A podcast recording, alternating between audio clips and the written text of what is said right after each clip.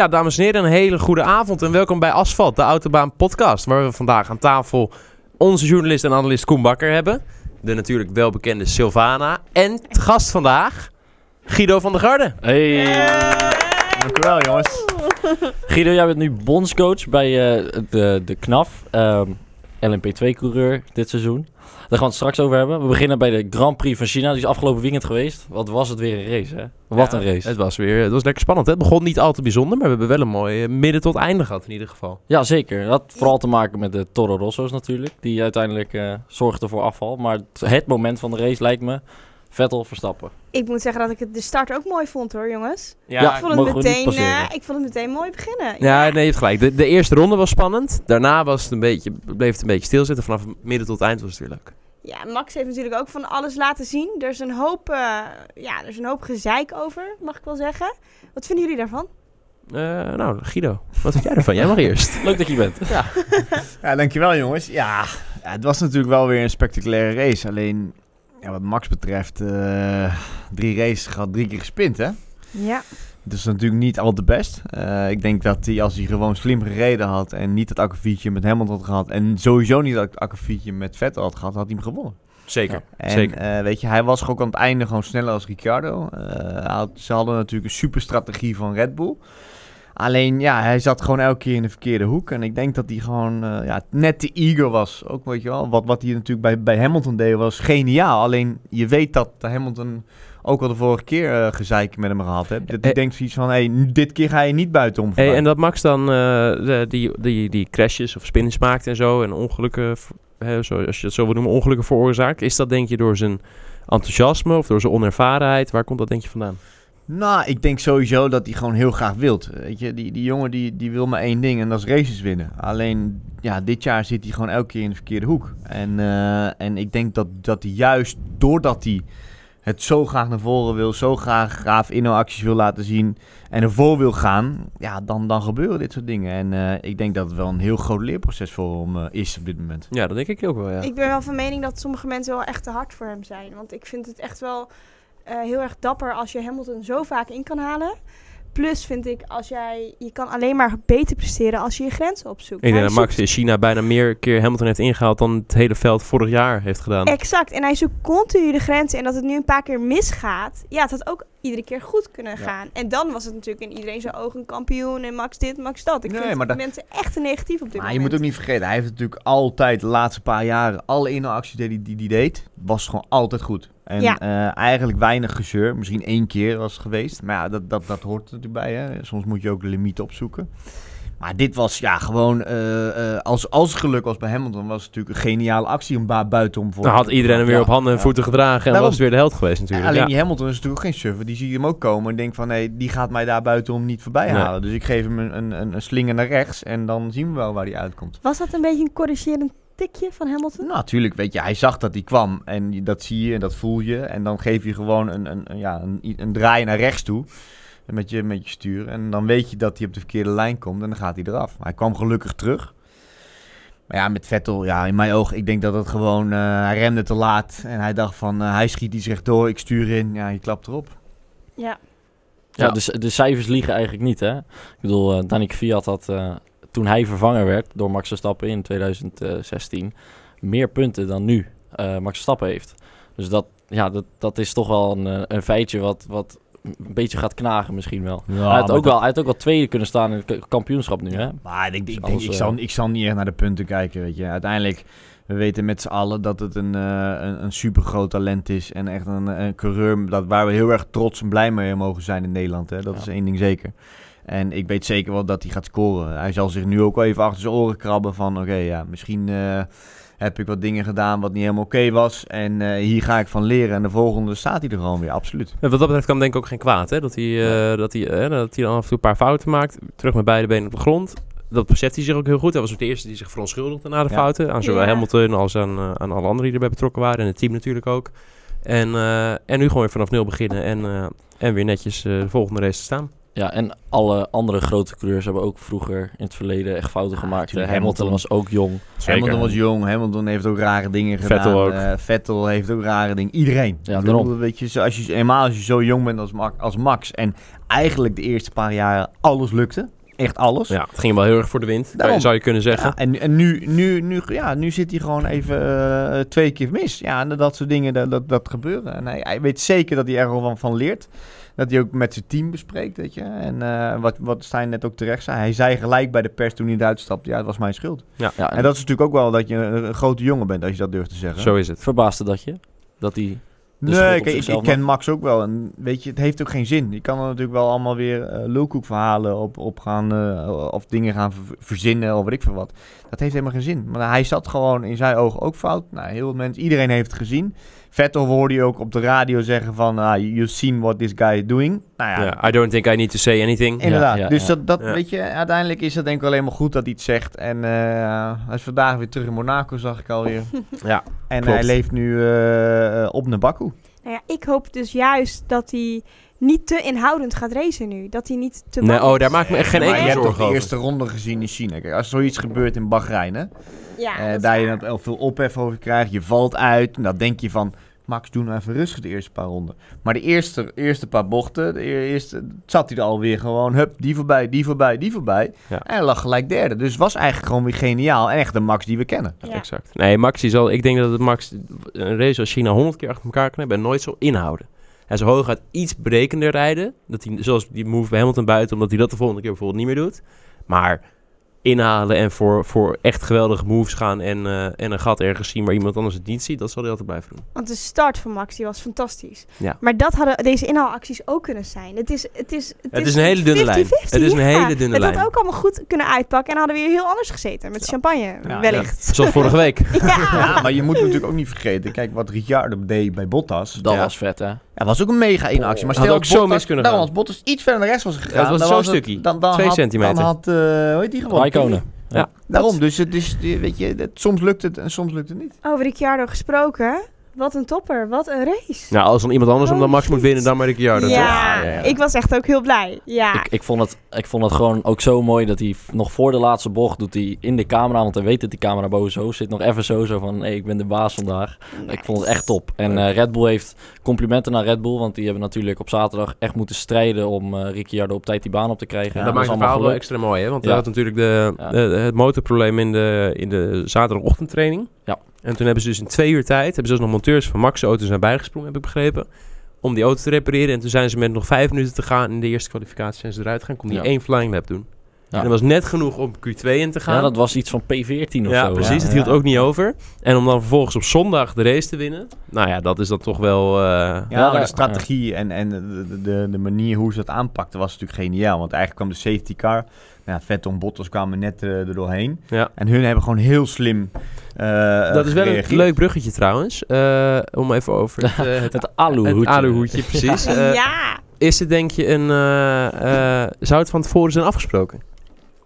Hmm. Nou, Vettel zegt dus van wel, hè. Ja, dat Het- denk ik niet. Het is wel... Oh, Sil. Het is wel... ehm, de, er kwam een ongeluk Ja. tussen de Toro Rosso's. Ja. En de safety car die kwam wel twee rondes later. Dus eh, dat is wat, wat een beetje... eh, het was niet meteen een safety car. Het was wel perfect getimed voor Red Bull. Ah, het het is... is- maar het had te maken met de marbles on the track.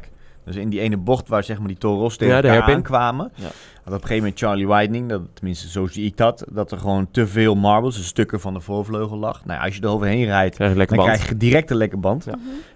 Eh, dus hij had zoiets van, nou, er ligt te veel, ik moet gewoon een safety car eh, erin halen. Ja, want anders Eh, kunnen die marshals kunnen niet veilig hun werk doen. Ook dat. Plus daarnaast kan het veld, die zeg maar al een beetje door elkaar gehutseld was, Kan ook weer aansluiten.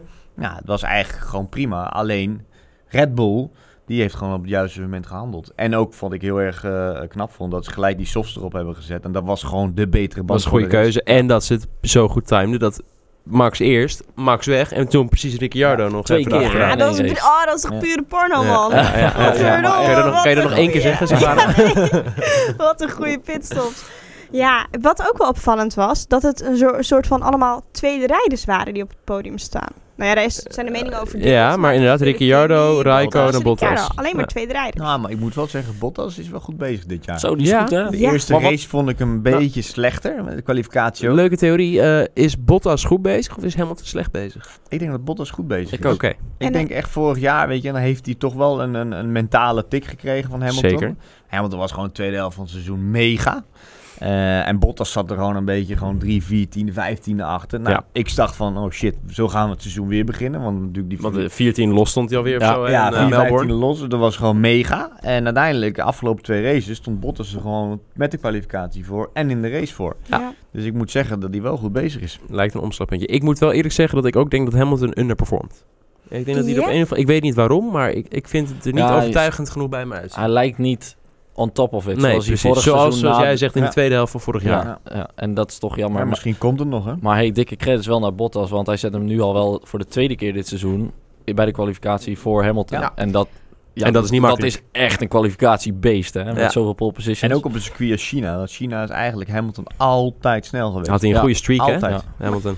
Maar Kimmy kwalificeert ook bijzonder goed eh, iedere keer. Dus Ja, elke maar keer toch op P2 elke keer eh, Q1 snel, Q2 snel en dan Q3, Vettel eroverheen. Vettel altijd Ja. eroverheen, standaard. En dat is, Ja. dat, dat, dan moet hij als Kimmy zijn en dan moet je ook gek van worden. Het is wel, wel een interessant ding, want op, op het lange rechte stuk, dat was echt een heel lang rechtstuk Mhm. stuk Ja. trouwens, ehm, verloor Rijkonen een volle tiende op, eh, op Vettel in het uiteindelijke polrondje. Is dat in, Is- op het rechtstuk is- of was dat in de derde sector? Nee, alleen het rechtstuk. Oké. Is het, is het dan zo dat de Rijkonen een totaal andere setup heeft gereden en daardoor een lagere topsnelheid? Is dat bewust gedaan? Nou, er, kun- er kunnen twee dingen zijn. Dit heeft te maken of met de boost van de motor. Weet je, Ja. omdat je natuurlijk de elektronische motor in de kwalificatie een extra boost kan geven. Ja. Eh, en dan kan je zeg maar een bepaalde settings rijden van je motor. En Vettel zal misschien iets slims hebben gedaan voor die Q3 van het laatste rondje van ik ga gebruiken wat meer boost. Wat Kimi nog niet gezien heeft op de rechte stuk en wat misschien minder in de eerste en de tweede sector. Dat denk ik dat is, want, he- want Kimi was paars sector 1 en 2. Daarom. Ja. En de laatste sector niet, was hij Precies. alleen maar groen. En, en, en Vettel was de laatste sector weer mega goed. Ja. Dus ik denk niet dat het met de wings, de, de settings van de vleugels te maken heeft, maar meer zeg maar met de boost, zeg maar de, de, de Waar je het verbruikt engine, de, de, eigenlijk. ja, de, de engine settings. Ja, vind, ik, vind ik een goede theorie. Ben ik het mee eens. Even over Bottas, hè? Is het misschien... Ja, ik ga weer even terug naar Bottas, want ik vind het ook wel interessant. Hij doet extreem goed. Ja. Voelt hij misschien ook nattigheid door Ricciardo? Is dat misschien ook wat er misschien aan de hand kan zijn? Mm. Want... eh, Vind ik een goede vraag. Kijk, ik denk dat wat, wat wat gisteren natuurlijk ook weer in de pers gekomen is. Hè, weet je, eh, eh, heet die Toto Wolf eh, kwam ook van dat hij erg gecharmeerd is over, eh, over Ricciardo. Nou, dat snap Tuurlijk. ik wel. Want Mercedes denk ik ook, want het is een goede marketing eh, jongen. Ja. Altijd, altijd vrolijk, Ja. altijd lachen. Gezellig, is op het podium gozer. natuurlijk. Ja. Precies. Ja, daarom. Dus ik geloof wel dat hij misschien een beetje nattigheid voelt. Maar aan de andere kant, weet je, als je constant voor Hamilton finisht, ja. Dan hoef je je niet druk te maken. te maken, nee, Kijk, want ik denk persoonlijk, maar goed, dat is mijn mening, dat een eh, Ricciardo volgend jaar naar Ferrari gaat. En dat, ze zeggen al dat er een Ze zeggen dat hij getekend heeft. Ja, dat er voorcontract getekend is. Over Ferrari gesproken. Wat vonden jullie van eh, de uiteindelijke strategie in het begin om met Rijkonen Bottas op te houden? Om op die manier ervoor te, ervoor te zorgen dat Vettel dro- Was druk kon zetten op Bottas. Dat was een wanhoopspoging, denk ik. Ja. Ik denk dat ze zich beseften dat ze het fout hadden gedaan met Vettel. Mhm. En dat ze vervolgens maar dachten, nou ja, dan, Dan dan, laten we- proberen we het ja. maar zo, uit een soort wanhoop. En dat pakt natuurlijk ook niet uit. Dat op, want tegen de tijd dat, ehm, dat eh, Bottas daar kwam bij... eh, eh, ja, het was Bottas, toch? Ja. Ja, dat Ja. Bottas kwam... Ja, precies. Dat Bottas Bottas, en Vettel. precies, dat Bottas bij Rijkonen aankwam. eh, was het verschil in tijd al zo groot. Was, toen was Bottas al 2,5 seconden sneller Ja. volgens mij per rondje. Ja. En dat, zeker met DRS hou je dat nooit achter je. Maar, maar in is het niet zo dat, dat, ja. dat, dat Ferrari eigenlijk al het hele seizoen, vorig seizoen ook, gewoon non-stop Vettel... Ja, Vettel is de nummer 1. Ja. Dat, is, Ja. dat is heel Maar simpel. zo vroeg in het seizoen al? Ja, Want bij tuurlijk. Mercedes ja. zie je dat wel minder. Ja, maar je ziet wel dat Nou. Vettel er sterker is. Is sowieso de- elke keer in de Q3, sowieso in de races, die constant sneller. Ik vind daar, dat hij daar het grootste verschil maakt. Ik vind dat Rijkonen echt tekort komt in de race. Ja, absoluut. race pace. Dus daarom Ja. is Vettel gewoon wel de nummer 1. En uiteindelijk, kijk, eh, waarom Kimi er, eh, erin is gebleven en nog steeds bij Ferrari rijdt, komt door Vettel. Mhm. Weet je, Vettel zijn- en Kimi zijn goede vrienden. Eh, voor Vettel is het natuurlijk lekker als je zo'n teamgenoot hebt. Die altijd net net iets langzamer Daarom. is. Ja. Ja, maar dat, dat, Wel een goede rijder, maar altijd net Ja. iets langzamer. Dat is perfect. maar dat, Dat, dat heb je ook scheelt. met vrouwen, hè? Sommige hele mooie vrouwen hebben een hele lelijke vriendin om dan zelf beter eruit te komen. Spreek je uit Nee, ervaring? totaal niet. Nee, ik heb alleen maar hele mooie vriendinnen. Oh, Of ben jij dan de... Ja, dat precies. de. Ja. Ja. Ja. Ja. Maar goed, Nee, terug naar het onderwerp. eh, even. Dus, jongens. Dus, nee, maar voor, voor Vettel is het natuurlijk wel fijn om altijd een iets mindere onder je te hebben. Ja, nou, je Ja. blijft in ieder geval verzekerd van je nummer 1 positie. Ja. En je, Ja. je, je- je- het, is, ja, het is heel simpel. Je hoeft je nooit echt zorgen te maken om in ieder geval je directe tegenstander in, in dezelfde auto. Ja. Ja, voor Kimi is het natuurlijk ook wel lekker. Die vangt 20 miljoen. Die vangt per 20 jaar. miljoen, ja. Ja. En af en toe zo'n reclame. prima. Jij Maar- bent nummer 1, ik heb 20 miljoen, een Ja. mooi leven. Al- zijn we allebei winnaars, denkt hij. hè? Maar even, hè, die vibe op het podium. Zagen jullie dat ook? Ik voelde zo'n nare sfeer tussen, Tussen wie? ja, gewoon tussen die twee Finnen en dan die, die veel te vrolijke Ricciardo. Die Oh eigenlijk ja. niet eens een flesje champagne op hun durfde te spuiten. Die hing echt wel een beetje een, eh, nou niet een hele vrolijke Ja, sfeer. Bottas baalt gewoon, want hij had die race in principe Moeten als- winnen. moeten winnen. En En, Rijkonen baalt gewoon omdat hij... Omdat hij gewoon altijd baalt. ja. omdat hij inderdaad gewoon niet Altijd. beter Ja, kon maar hij dan heeft wel grappig is. Hij begon één keer te zwaaien. Wel heel veel fans daar in China Ja, zitten. ja, Veel ja. meer als al die Ja. andere twee. Oh, grappig. Ja. Dat is wel leuk. Ja, maar uiteindelijk, ik, ik denk, weet je, zo- zo'n Bottas ook. Het is echt wel een goede coureur. We hebben hem natuurlijk gezien hè, in, de, in de 2 liter, in de Formule Renault. Toen daarna heeft hij Formule 3, eh, Zandvoort heeft hij eh, een keer gewonnen, Mhm. de Masters. GP3 was hij oppermachtig. Het is echt een, echt een hele goede coureur. Alleen er zit niks bij. Het is echt een Nee, het is- robot. Het is Ja. zo, zo saai als wat. Maar als je naar kijkt ook. En ik heb vroeger ook wel eens een keer met een biertje gedaan in de kroeg. Dan zit hij gewoon op een bankje aan een wodkaatje. En voor de rest doet hij gewoon Ja, het helemaal schijnt niks. wel, daar heb ik ook verhalen over gehoord, die ken jij volgens mij ook wel. We zullen niet in detail gaan, maar als die, als die Denk Rijkonen, eh, Nee. als Rijkonen een paar wodkaatjes op heeft, Dan is hij veel gezelliger. dan, wordt hij dan gaat het ineens wel heel hard hè, met de Ja. gezelligheid. Ja, ja. Is dat hoort erbij, to hè. 100? Daar heb jij Ja. ook last van. Ja, dat is een typisch gevalletje eh, stille wateren, diepe gronden. Ja, zo is het. Ja, Ja. Stijn is alleen niet zo stil. Ja, Ja. nee, dat wordt niet beter met vodka open. Daarom drinken we hier maar gewoon Heineken 0.0. Dat is, eh, is doet, afstand het doet veiligst. goed. Hij doet goed. Hey, even weer terug naar de race, want hè, eh, bier drinken altijd lekker. Ehm, maar Pirelli. We hebben nu al twee Grand Prix gezien met verschillende strategieën. Ja, ik vind Met spanning aan, eh, door banden. Credits aan. Pirelli, want eh, Ja, ik vind het wel, ze hebben wel een stapje gemaakt met hoe ze die banden in elkaar zetten dit Ja. jaar. Ik vind het leuker worden. Ik Was vind het ook leuk. de goede keuze om de supersoft thuis te laten en de ultrasoft en daarvoor denk mee te nemen? Ah, die ultrasoft, dat is gewoon echt een kwalificatieband. Dan zag Ja. je dat ze best Ja. wel redelijk vroeg binnenkwamen. En je, en je rolt ze op, want je hebt zoveel snelle bochten in China. En vooral die eerste doordraaien, daar ga je zo hard in. Dus die linker voorband, die, die, die slijt gewoon heel erg hard. Eh, maar goed, uiteindelijk is het wel weer interessant om te zien hoe goed eh, of hoeveel beter die softbanden vergeleken waren met die medium. Vooral naar de safety car. Ja. Kijk, ik denk dat Pirelli altijd een heel groot probleem heeft gehad met temperatuur. Hè? Als ze eenmaal zeg maar te koel worden of... Dan krijg je eh, graining, blistering, Daarom, dat soort en, dingen. En, en dat zag je nu in de race. Want eigenlijk ging al die jongens die medium reden tot de safety car prima. En na de safety car, toen ze geen temperatuur meer in banden kregen... Kregen ze ook niet meer terug. Daarom gingen ze voor geen meter. Ja, en wat er dan eigenlijk gebeurt is, is dat dus voor degene die dat helemaal uit te leggen, de binnenkant van, het- van het wiel wordt niet echt heel erg warm. En het oppervlakte, dat gaat dan over de, omdat je dus minder grip hebt, daardoor gaat het oppervlakte gaat schuren over de grond. Dus krijg je heel veel onderstuur en overstuur. En dan krijg je graining. Waardoor dus eigenlijk alleen het oppervlakte van de band kapot gaat. En de binnenkant van de band is het enige wat op temperatuur komt. En dan krijg je dus heel veel degradatie. Mm. En dus geen snelheid. En, dus als je geen temperatuur in de band hebt, dan, ja, dan Ben je sowieso weg. Dan kom je ook sowieso niet vooruit. Precies. Dus dat was een beetje het ja, probleem. maar ik moet wel zeggen, om terug te komen naar je vraag. Pirelli is wel goed bezig. Want ik vind wel dat ze de stap durven zetten om dan constant die softere band mee te nemen. En een kwalificatie dat dan heel leuk is. Ik bedoel, vooral snelle tijden rijden natuurlijk. Maar daarna in de race is het gewoon wel een, echt een strategie. Van welk, wel, wat voor team neemt welke keusband. En eh, ja, ik vind dat wel mooi om te zien. Zeker, vooral bij Red Bull vond ik dat nu hartstikke leuk. eh, strategieën en... Eh, het, het, het had, ze, het- het had Max de overwinning kunnen opleveren dit weekend. Terwijl ze niet de beste auto hebben. Nee, maar wel leuk. Ik denk in de race ja. dat De ze race toch wel wel, een van de betere hebben. Denk ik ook. Ja, De, ra- de race pace op vrijdag, op, of op de vrijdag doen ze vaak de race pace in eh, de tweede vrije training. En de race pace van altijd. Vettel en of, eh, Hamilton en Verstappen was precies gelijk. Als in echt scheelde een halve Hm. tiende of zo op, op negen maar rondjes. weet je wat natuurlijk waarom het zo lastig is om daar nog over te oordelen? Melbourne kan je niks van zeggen, want dan kan je niet inhalen. Nee. Dus als je daar vijfde start, dan heb je heel moeilijk om ja, te en weten. daar hebben we het ook niet, dus niet gezien. dus niet gezien. Bahrein zijn ze allebei uitgevallen Ja. Ja. in het begin. Dus weten we ook niet. Dit was eigenlijk de eerste race dat je, dat je kan oordelen over de race pace. En ze hadden gewoon 1 en 2 kunnen finishen. Weliswaar door, Door de de strategie safety en car. een beetje mazzel met Ja, safety ja, car. ja. maar ook, maar als je de pace al niet hebt, dan kom je er sowieso niet. Dus ik denk wel dat we... eh Ja, en de al de kwali- kwalificatie hebben ze natuurlijk ook die boost niet, hè? Wat, Nee. wat een Ferrari en een Mercedes wel heeft. Dus daar kom je al sowieso... Nee, dus we stap ervan uitgaan dat, dat ze nooit heel veel beter dan vierde, vijfde of zesde kwalificeren. Maar toch kunnen ze elke race op podium finishen. Ah, denk ik.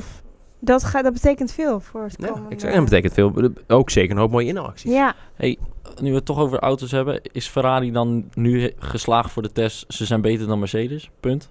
Geen discussie mogelijk. Nou, ik denk dat Ferrari en Mercedes heel dicht bij elkaar zitten. Ja. Alleen dat het, dat het een, een belangrijke factor is, is dat ze de banden op temperatuur krijgen. Ja. En waarin denk ik dat, dat Ferrari vooral een stap heeft gemaakt dit jaar, is dat ze elke band die ze erop zetten, In elke omstandigheid. elke omstandigheid, want als het koud is of warm is, werkt het gewoon goed. En dat vind ik wel heel bijzonder. Ja. Ze hebben natuurlijk ook een probleem gehad in de eerste race in Melbourne met hun voorvleugel. Want hadden ze daar een nieuw voorvleugel geïntroduceerd. En daarin bleek dat het niet helemaal oké was. Eh, en daar hebben ze weer aangepast in Bahrein. En daar hebben ze zeg maar die stap gezet. En ja, je zag ook gewoon in China in die kwalificatie, vooral op koude temperaturen. Ja. die stonden gewoon 15 los. Dan zijn ze los. Maar, maar als het warm wordt, want er komen natuurlijk wat warme races aan nu, dan zal, denk, zal het in ieder geval dichter bij elkaar zitten als Ja. Mercedes niet sterker is. Ja. Dat zeiden ze ook zelf. Ik gaf ze als verklaring, Mercedes, dat als ze niet op pace zijn, dan is het omdat het niet warm genoeg is. Ten, tot slot, eh, en dan stoppen we denk ik met de Grand Prix van China. Mercedes heeft nu in de eerste drie Grand Prix niet gewonnen. De laatste keer dat dat gebeurde was in 2013 en toen wonnen ze er maar drie uiteindelijk. Is een leuk feitje. En toen werden ze Doe tweede in wil. constructeurskampioenschap, of Toen niet? werden ze wel tweede in het oké. kan- constructeurs inderdaad. Ja. Dus ja, het zegt gewoon genoeg. Mercedes is niet zoals het in het verleden was. Ja. En dat, dat maakt het dit seizoen denk ik echt, echt heel leuk om naar te kijken. Ja, oké, maar goed. Vorig jaar was Ferrari natuurlijk aan het begin ook heel sterk. En Ja. Eh, en we moeten niet vergeten dat, dat Vettel nu natuurlijk twee races gewonnen heeft, maar de- deze race niet gepresteerd heeft. Er zit nog maar tussen Hamilton en, en, eh en eh ding is volgens mij vijf of zeven punten, wat is Ja. het? Ja. Dat is bijna niks. Nee. Dus uiteindelijk hebben ze denk ik de schade zeker beperkt. Ehm, en met één ding is zeker dat Mercedes altijd een stap kan maken in het midden van het seizoen. Het is gewoon een goed team. Ze hebben een know-how. Ze hebben goede mensen. beste En, weet, En Lewis ze- ik weet zeker dat ze terugkomen. Oké, nou. ik ik wil nog, ook nog even één opvallend ding doen. Force India. Die is zo slecht. Holy Gaat er, eh, Savannah? Jezus. Nee, voor Ja. die, heeft het, eh, die zit niet lekker. Met, Vorig eh, seizoen waren ze echt goed. Ja. Een goede middel. eh, maar dit jaar, het is echt dit zijn dingen die zijn eigenlijk niet te plaatsen, vind ik. Je kan Nou. niet, zo- tenminste, Geld ja, maken, geld, ja, maar, maar ze hebben vorig jaar zo'n goed seizoen gehad. Zo. Nou, ze hebben natuurlijk Veel veel, geld gekregen. veel problemen op de achtergrond. Hè, weet je? De, de Ja, eigenaren, eentje zit in, eh, In, India ja. vast, volgens En die mij. mag niet het land mag uit. het land niet uit. Nee. En die andere die zit ergens, die mag het land weer niet in. Nee. Een hoop gezeik. En eh, uiteindelijk zie je dat ook nu weer terug in de ontwikkeling van die auto. Kijk, ik denk dat twee teams dit jaar gewoon heel slecht begonnen zijn. Eentje is de slechtste, is eigenlijk Williams. Die is gewoon langzamer als afgelopen jaar. Ja, maar twee Ja, onervaren dat rijders. Komt totaal niet door de coureurs. Oh, dat- Misschien heeft het te maken met de coureurs, maar ook één ding, ze hebben de ontwikkeling ook niet op orde. Nee. Nee. En het andere team wat dit jaar heel slecht begonnen is, is Force India. En dat is wel jammer om te zien. Maar ehm, ja, daarin om terug te komen is een Haas natuurlijk wel heel goed dit jaar. En Renault is ook sterk. En Renault is ook goed. Dus we krijgen wel een leuke concurrentie in het middenveld. Hulkie En je kan zien hoe belangrijk het is om door te blijven gaan met de ontwikkelingen. Want Hm. als je maar eventjes stil gaat staan, ja, dan word je gewoon keihard in je Hm. rug ge... Ja, ge? Van achter, Ja, ge. Van achter, ge. Wat wil je zeggen, Sil? Gestoken. Gestoken. Ja, dan, Geprikt. dan eindigt het niet goed voor je, laten we het zo zeggen. Nee, zeker. Ehm, Ja, we hebben ook vragen van de mensen thuis. Ja, oh, leuk. En eh, Rick Oldmans die schrijft... Guido, hoe zit het met de fuel flow regel? Gaat het van 100 L... Oh, 100 liter. oh jongens, het gaat, het gaat helemaal top hoor. Gaat het van 100 liter naar... maar Naar Naar 110 110. liter. Ja, ik ben er weer. Sorry. het Ja, ze zeggen dat dat volgend jaar wel de regelgeving eh, veranderd wordt. Eh, dus ik hoop het. Oké. Teun Jansen heeft ook een vraag. Leuk, Teun, trouwens. Stijn, wanneer is jouw volgende race en waar kan ik die kijken? Oh, heel leuk. Eh, Monza, die is in Monza in Italië, aankomend weekend. Te volgen op eh www.blankpengtseries.com. Eh daar kan je live timing en livestream volgen. En die livestream die is, wordt doorgelinkt naar YouTube. Dus je kan ook gewoon op YouTube Blankpen Monza. En dan krijg je gewoon eh, eh, de race. En je kan een tijdschema kan je race? ook vinden. De race begint zondag om drie uur. Oké. En het duurt ook drie uur. Het is een endurance race. En eh, mijn teamgenoten en ik rijden allemaal een stint van één uur. Hoe ligt, Ja. hoe ligt Monza jou eigenlijk? Vind je Mij ligt het op zich wel goed. Ja, vorig jaar in de GP3 eh, was ik een van de snelste van het team daar. En was ik eh, uit mijn hoofd 60 gekwalificeerd. Dus dat was oké. Vijfde. Vijfde. Nog beter. Kijk. God, man, dat ik nog maar beter dan jij, hè? Daarom hebben we jou er ook bij, hè? Het is net, als, het is net alsof jullie eh coach... eh, Alsof we coach en pupil zijn Ja. geweest, hè? Lijkt er bijna op. Nee, eh eh, goede kwalificatie gehad daar. Weliswaar geen geweldige race, maar het kan nog niet altijd mee zitten. Nee, maar het ligt mij goed, maar de Audi ligt het slecht. We hebben een hele slechte balance of performance, zoals het heet. De Audi is niet gemaakt voor eh, topsnelheid. En bijvoorbeeld een, Ja, dat heb je daar wel nodig. ja, dat heb je daar wel. Een Bentley bijvoorbeeld waar ik tegen rij of een, eh, of een Lamborghini is veel meer gemaakt voor de topsnelheid. Dus wij, hebben niet, wij gaan niet ons beste race tegemoet, helaas. Dus het wordt wel strijden. Maar we gaan er alles uithalen wat er eruit te halen valt. En eh, als we de eerste Audi worden, dan hebben we er alles uitgehaald. Boys, ik heb een vraag van 84 Tines. En die zegt... Gaat Red Bull ook over naar Honda in 2019? Ja, die vielen wel tegen dit weekend. Ja, het, het is Dus nu nog te veel up en down met, eh met Toro Rosso Honda. Ik denk dat ze daar nog geen beslissing over gaan maken. Super lastig om nu. eh, Daarom, nu al dat hoeft te denk ik ook nu nog niet. Ja, Dus, ik denk dat ze misschien wel wachten op de regelgevingverandering van de motor. ja. Eh, weet je, Ja. en, eh, dat, dat komt natuurlijk binnen nu een paar jaar. Volgens mij 2021 uit mijn hoofd. Mhm. Ehm, dus misschien wachten ze daarop. Want kijk, als die, zeg maar, die Honda nog niet zo goed loopt als dat ze denken... Ja, dan heeft het geen zin om volgend jaar over te stappen. En ik moet zeggen dat die Renault nu wel goed loopt. Natuurlijk op het einde van heel. het rechtstuk komen ze iets tekort. En hebben ze niet dezelfde power. Maar als ze kunnen ontwikkelen, die Renault... Ja, dan zou ik daar gewoon lekker mee blijven rijden. En je moet ook niet vergeten... Red Bull en Renault zijn al vier keer wereldkampioen geworden. Ja. Dus het is wel een, een prima match. ja, nee, absoluut. ja, ik vind het ook hoor. Ze hebben nu al zoveel shit gehad. Het moet nu gewoon goed komen. Ja. En Toch? kijk eh, naar eh, McLaren die overstapt naar... Dat is overigens het slechtste Renault-team. eh, eh, ja, dit exact, seizoen. exact. Ja, maar goed, zo zie je ook wat er gebeurt als je, als je overstapt. Is Ja. niet altijd goed. Nee, zeker Nee. niet. Nee, Ja. Heb je nog meer vragen? Of eh, was dat nee voor dit nu? waren de vragen. Nou, laten we het even over Guido hebben. Guido van de Garde, jongeman.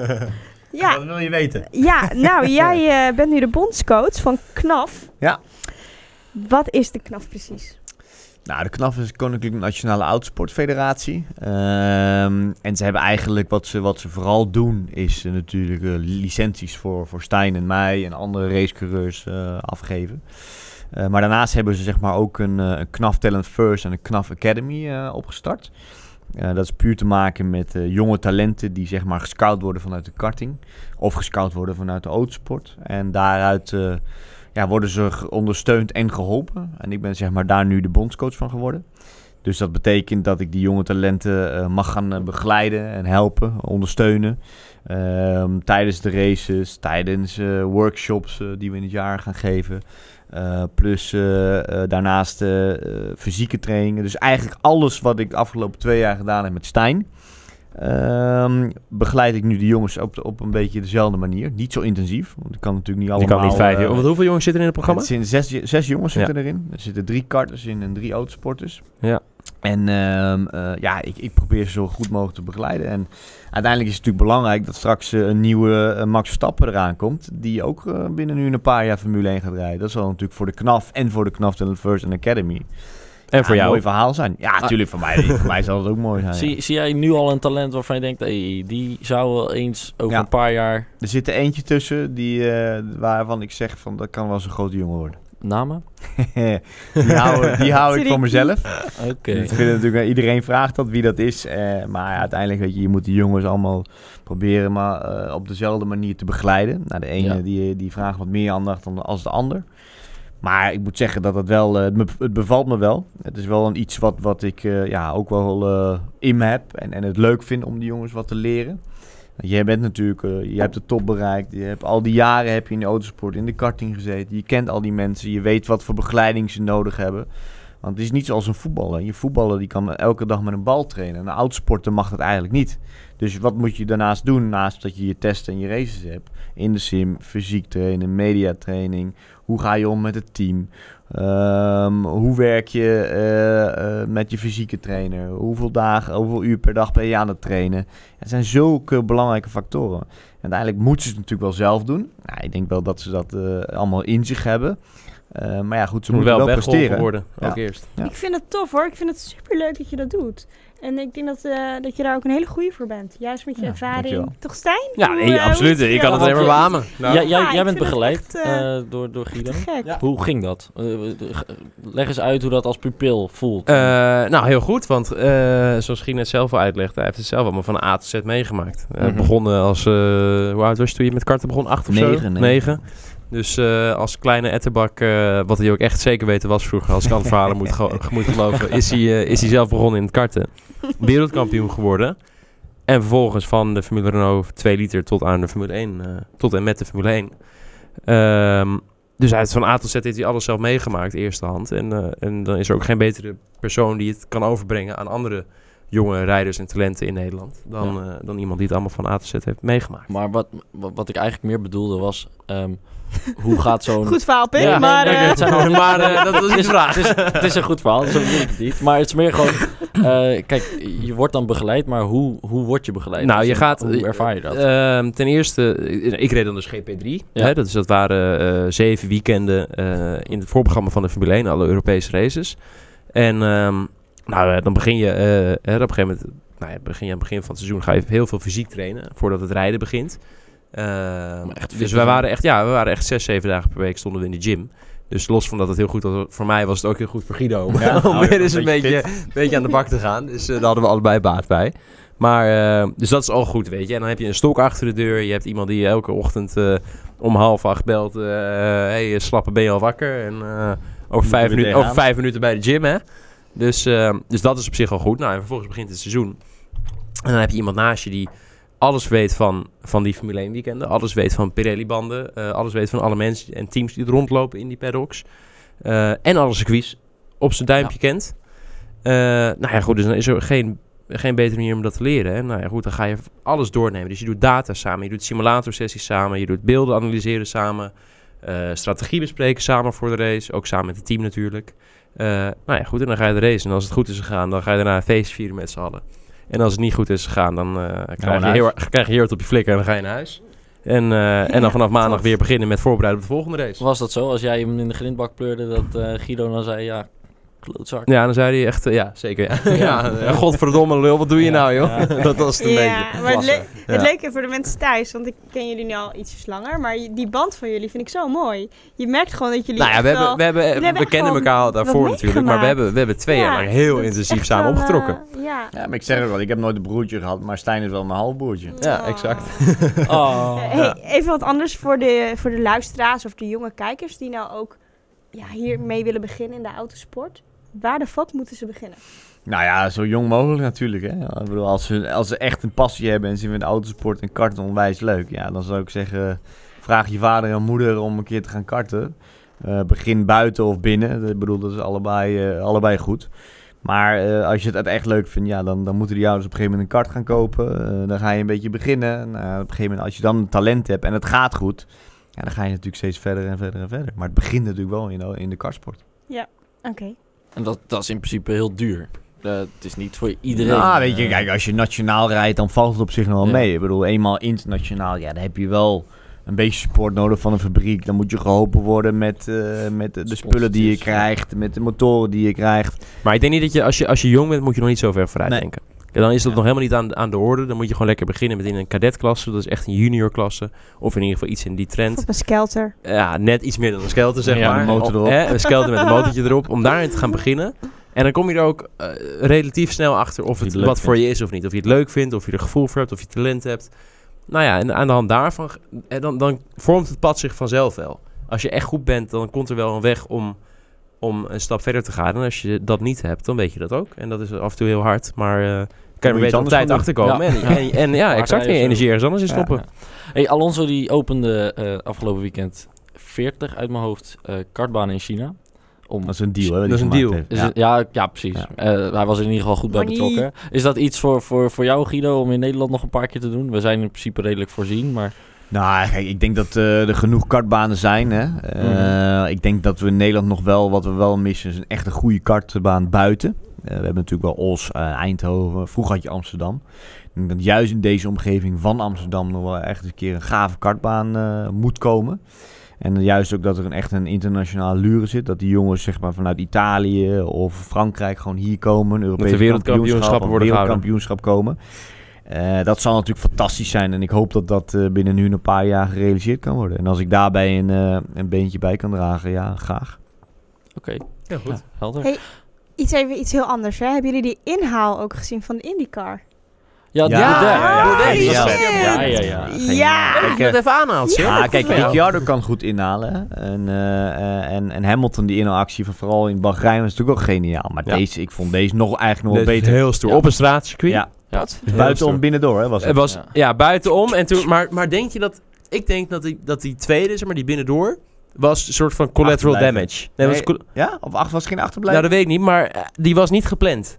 Alleen het kwam zo uit omdat hij zo aan het remde. En hij had gewoon mazzel dat de jongen Dat niet, zou dat hij het zag gebeuren. Ja. Ik denk niet dat je zo ver namelijk vooruit denkt.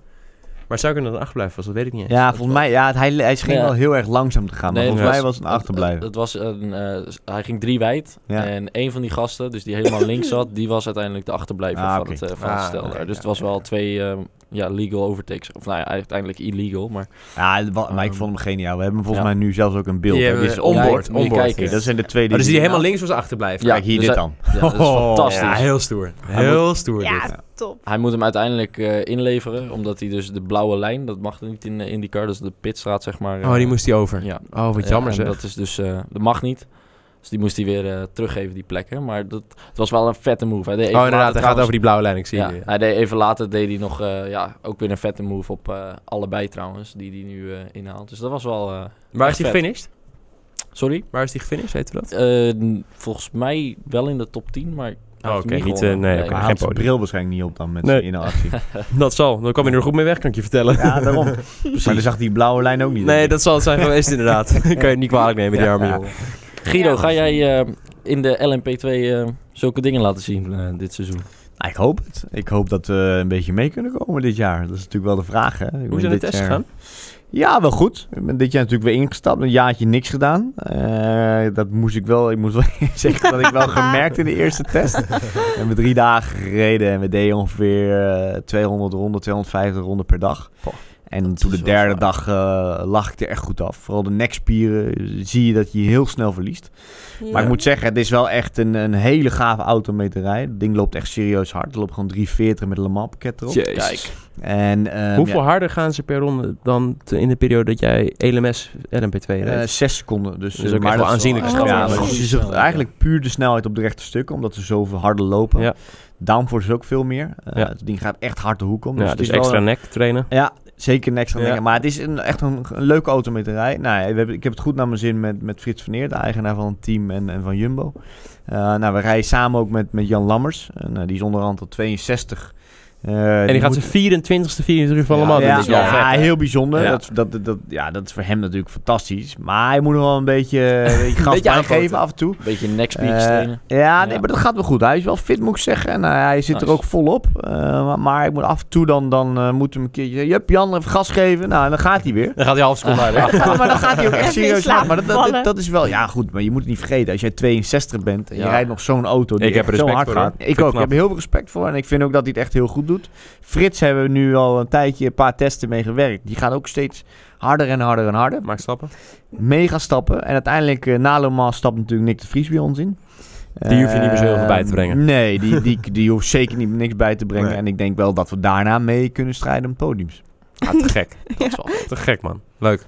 Ja. Maar het is, het- een beetje, en dan uiteindelijk daarnaast, eh, kijk, je hebt natuurlijk drie verschillende of vier verschillende type auto's. Je hebt twee uit Frankrijk. Dat is een Orica, eh, dat is eigenlijk de beste chassis. Een Ligier, dat is een wat minder chassis. En wij rijden met een Italiaanse manufacturer, dus de Lara. De Lara maakt normaal gesproken altijd topauto's. Ja. Alleen hier hebben ze een klein foutje gemaakt met de front splitter. Nou, dat is onder de auto van de voorkant. En eh, daardoor hebben we niet zoveel downforce als die Orica. Oh, dus qua chassis komen we misschien iets te kort. Ze hebben gelukkig dit jaar wel een update gebracht. En Ja. Ik moet zeggen dat dat wel eh, beter voelt. En ik denk dat we een juiste stap hebben gemaakt. Ook met de setup de afgelopen test. Eh, en de meeste teams rijden eigenlijk met een Dunlopband. En wij rijden dit jaar met een Michelin. Heb je dat eh, officieel, heb je dat helemaal definitief beslist? Officieel eh, beslist. En, eh, en waarom heb je, zijn jullie voor Michelin in plaats van Dunlop gegaan? Nou, het voelde toch voor de, de Lara, de Lara gewoon iets, iets beter. Eh, ook voor, voor Jan en, eh, Frits. Het was Ja. gewoon wat constanter. Weet je, op die Mhm. banden kan je wat meer leunen. Eh, Ja, in de dus bocht. geef wat meer vertrouwen eigenlijk Ja. in het rijden. En Maar- dat, dat, dat is voor hun, vooral voor hun, is dat heel erg belangrijk. Als Nick er nu straks bij komt, Guido, Nick, nou ja, Frits kan ook wel een beetje... Ja. Dan is het misschien weer handiger om een andere band te hebben. Nou, dat wil ik niet zeggen. Eh, Afgelopen weekend dus was het natuurlijk de eerste European Le Mans Series. Ja. Nou, wij rijden dan het World Endurance Kampioenschap. Maar, maar European Le Mans Series rijden eigenlijk dezelfde auto's. Alleen dan in plaats eh, van de LMP1 rijden ze daar LMP3. Nou, eh, op zich eh, dezelfde auto's, dezelfde banden. Maar het grappige was, Michelin had wel pole position gereden. Kijk. Ehm, alleen de topper viel helaas uit met, eh, met, die, met die auto. En toen won er een Dunlop auto. De, wonder, de eerste drie waren Dunlop. Oh, maar zo. ik moet zeggen, als we dan kijken naar de racetijden, dat die Michelin wel gewoon goed was. Dus ik denk dat het heel dicht bij elkaar zit. En eh, ja, we gaan het allemaal, allemaal meemaken. We hebben het eerste weekend van mei is de eerste race voor ons, Spa-Francorchamps. Dus ik kom maar met z'n allen kijken. Dat is wel Ja, bij deze. We zijn uitgenodigd, jongens. Top. gaan. Guido regelt de kaarten. Ja, dat is goed. Dat is goed. Hey, eh, misschien ook wel leuk om, om dat met Formule 1 te vergelijken, die banden. Dat hebben we vroeger natuurlijk gezien met Michelin en Bridgestone. Ehm, nu is Pirella, Pirelli de enige die banden levert. Is dat iets wat een sport nou echt leuker maakt? Een verschillende bandenleveranciers? Nou, vroeger denk ik dat het wel interessant maakte. vooral met, met de tijd, eh, wat had je toen? Goodyear en, eh, en Michelin. En dan uiteindelijk Bridgestone Michelin. Ja, maar, eh, ik denk dat het heel interessant is. Vooral de teams, voor de andere teams die, zeg maar een beetje achterin rijden. Die een andere bandenkeuze kunnen maken. Ehm, alleen ja, het draait gewoon om poen. Weet je, Ja. toen die tijd was er gewoon heel veel geld. En een Bridgestone had toen de, de, de, ja, de, de zaakjes niet op orde. En Michelin was toen de betere band. Heeft me- me- mensen van Michelin eh, aangetrokken. Nou, uiteindelijk konden ze wel een goede band maken. Maar het heeft allemaal met ontwikkeling te maken en met poen. Ik denk dat één manufacturer gewoon de kosten wel omlaag haalt, weet je. Want de Formule 1 wil uiteindelijk de kosten ook omlaag Ja. hebben. Ja. Eh, dus ik denk niet meer dat die concurrentie gaat komen, helaas. Oké. En wat doe je verder, behalve Formule 1 kijken en zelf racen? Nou, ik doe nog wat commentaar geven bij een ander televisiestation. Eh, bij, bij Ziggo doe ik wat, wat zaken. Eh, en voor de rest ben ik eigenlijk ja, wekelijks bezig met, met een bedrijf van me. Die hebben we net gestart vorig jaar. Dat zit in het vastgoed. En wij ont- ontwikkelen huizen. Dus eigenlijk een beetje Stijn is een kleine makelaartje aan. Concurrenten. En wij... Nee, geen Nee, collega's, collega's. Collega's Nee, dus wij, wij, wij ontwikkelen zeg maar hoogwaardige projecten in, in Ja. Amsterdam. En dat gaat, eh, ja, gaat heel erg goed. Dus ik ben het lekker, lekker aan het ondernemen. En dat bevalt me wel prima. Jongens, we hebben nog een vraag. Eh Berhen, die vraagt... waren jullie ook verrast hoe sociaal Vettel reageerde na de race? Ja, maar Ja. weet je, ik, ik Ja. weet overigens... Ik heb wel Ik ben er niet over... verrast over. Oh, Ik heb er ook een mening over. Oké, nou, ik, waardoor ik in ieder geval vind dat... Ik ben, ik ben ook niet per se verrast, maar waardoor het komt... is omdat Max gewoon de auto uitstapte... Recht naar, rechtstreeks naar Vettel toe liep om zich te verontschuldigen. En als Vettel dan nog steeds de azijnpisser gaat uit, uithangen... dan is hij echt alleen maar zichzelf aan het benadelen. Als hij dan... Kijk, als Max, eh, als Max volwassen is, dan moet Vettel ook volwassen zijn. Ja, Ja, maar dat goed, vorig jaar heeft natuurlijk Vet ook al een naam gekregen. Vooral met Max, dat hij constant zat te zeiken Nee, over ja, Max. Ja, maar... Dus uiteindelijk, kijk, als, wat, wat je zegt vind ik heel terecht. Als Max dan naar Vettel toe loopt van ja, sorry man, was mijn Exact, dan moet Vettel ook Dan is hij zeggen... rustig en zegt hij ja, we hebben het gezien. Ik heb er niks meer over te zeggen. Klaar. Precies, precies. Nou, ik moet zeggen van... ehm, Vettel die wordt vaak wel een beetje negatief in daglicht gezet. Wat dat betreft. Een beetje tussen koppen. Daar zijn pisser dat. gewoon, ja. Terwijl eigenlijk vind ik Kimmy... vind ik veel, vind ik veel zagrijniger. Ja, maar hij zou zeggen, maar hij, hij laat zich niet zo negatief uit. Nee, precies. dat, Dat is het verschil. Maar Vettel is op zich is helemaal niet... Weet je, als je gewoon rustig naar hem toe gaat en je zegt... eh, sorry man, dan is het echt niet zo'n hele rare vent. Dus Ja, maar Vettel is ook gewoon een hele leuke Ja. vent. Ja, Ja, dat hij zijn doet geen social media. Dus hij heeft niks, zijn- een heel sociaal leven. ja, Familie vindt hij heel belangrijk. Maar hij was natuurlijk mijn teamgenoot. En het is echt een hele leuke gozer. toch? Dus er zijn gewoon heel veel negatieve boordradio's van hem uitgezonden... waardoor iedereen een beetje... Hij is een beetje door de Formule 1 zo neergezet, ja, lijkt Ja, maar vind ik wel. Als je- het is als wel Ja, gewoon je kan wel wel- zien dat je rood aan hebt vandaag. je support Ferrari wel ja, ja, ja, ik vind het... eh, gaan trouwens volgende week paddockpassen weggeven voor de 6 uur van Spa-Francorchamps. Eh, ja, dat is, eh, dat is een onwijs leuk eh, Scripted. dingetje. Vanaf volgende week gaan we, hebben we de zes uur van Spa-Francorchamps. En dan gaan we paddockpassen weggeven. Ja, dat is drie dagen gelden. Het zijn paddockpassen voor drie dagen, vrijdag, zaterdag en zondag. Dus voor het, voor het hele weekend. En dit is met dank aan Racing Team Nederland. Hey. Guido van der Garde. Ja, en wat we ook nog even, even wel echt even moeten bespreken is eh, Guido, jouw Twitter. Dat is gewoon fantastisch. En je Instagram, je Ja, je, een, je bijnaam is Guido Bentergaard. Ja, je ja. bent eh, echt leuk op social media. Ja, dankjewel. Ook Oh, ik wil net zeggen, probeer je daar... eh, Nee, nee, maar je, bent, echt heel erg leuk. En eh, kunnen we hier toevallig wat, wat op het scherm krijgen? Ja, Ja. dit zijn dan eh, de, de posts van Guido van der staat Garde. er ook even. De standoff between Two bulls. is more... Ja. Leuk, leuk. Ja, weet je, uiteindelijk, kijk, ik denk wel dat het een voorbeeld is geweest. Het voordeel dat je, dat je Formule 1 hebt gereden, je bent er geweest. Nou, eenmaal als je daar rijdt, heb je eigenlijk wel altijd dat je niet te veel in de media mag roepen. Je mag niks over het team zeggen. Je moet altijd positief zijn. Politiek correct. Politiek correct. Nou ja, dat, eh, dat heb ik eigenlijk na 2015 ben ik daar een beetje gestopt. en eh, vooral toen ik zeg maar Sauber uit eh, af, afgekocht werd, toen had ik wel zoiets van, jongens, weet je, ik ga nu gewoon los. Ik ga gewoon zeggen wat ik wil. Klasse. En dat bevalt me heel erg goed. En dat wordt gelukkig allemaal goed opgepakt eh, op, eh, op social media. Eh, maar goed, aan de andere kant, weet je, je probeert af en toe een beetje grappig te zijn. Maar je probeert ook serieus te zijn. En ja, dat proberen we een beetje te zoeken. En dat gaat op zich eh, prima. Leuk. Ja, Leuk. dit, Nou, we volgen het in ieder geval met veel plezier aan. Ja, Al, ja. Ja, ik kijk er altijd wel eh, naar, met een schuin oog naar uit. eh, zeg maar. Ja, zit die al race is geweest, een paar biertjes op en dan denk ik, hé, hey, wacht even, Guido, even opzoeken. Oh, die ja. race die, die boeit me helemaal niet, maar ik wil gewoon Guido's post Ja, kijken. ja, ja. Nee, Ja, nee ja, dat doe je leuk. eh, doe je hartstikke leuk. Nou, ik denk dat we eigenlijk alweer bijna aan het einde zijn gekomen. Ja, is gaat het alweer zo snel. Ja, toch? Dan kunnen we lekker naar huis om te gaan eten, jongens. Ja. Oh, de piepers staan op tafel. Lekker hoor. Maar die van mij zijn echt op tafel. Oh, dan kom ik bij jou Ja, eten. ja, dat is goed. Zijn er nog echt even dingetjes die we niet moeten vergeten te zeggen?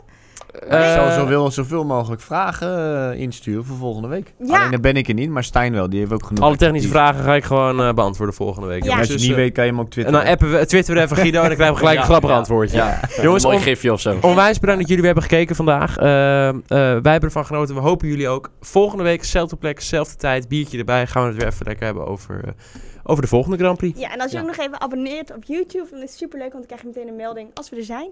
Tijdens het eten. En dan hoef je ook niet zo te denken van, oh shit, wanneer zijn ze er? Nee, je krijgt gewoon pushmelding. Dat is helemaal ideaal. En welke cursus okay, ciao. volgende week? Welke Dankjewel, hè. cursus jij volgende week? Ehm, ja, wat zou ik nu hè? doen? Mercedes. Ja, Grijs. Mercedes. Jij gaat voor Grijs. Of geel. Hey jongens, Heel ciao. Masso. Later, kater.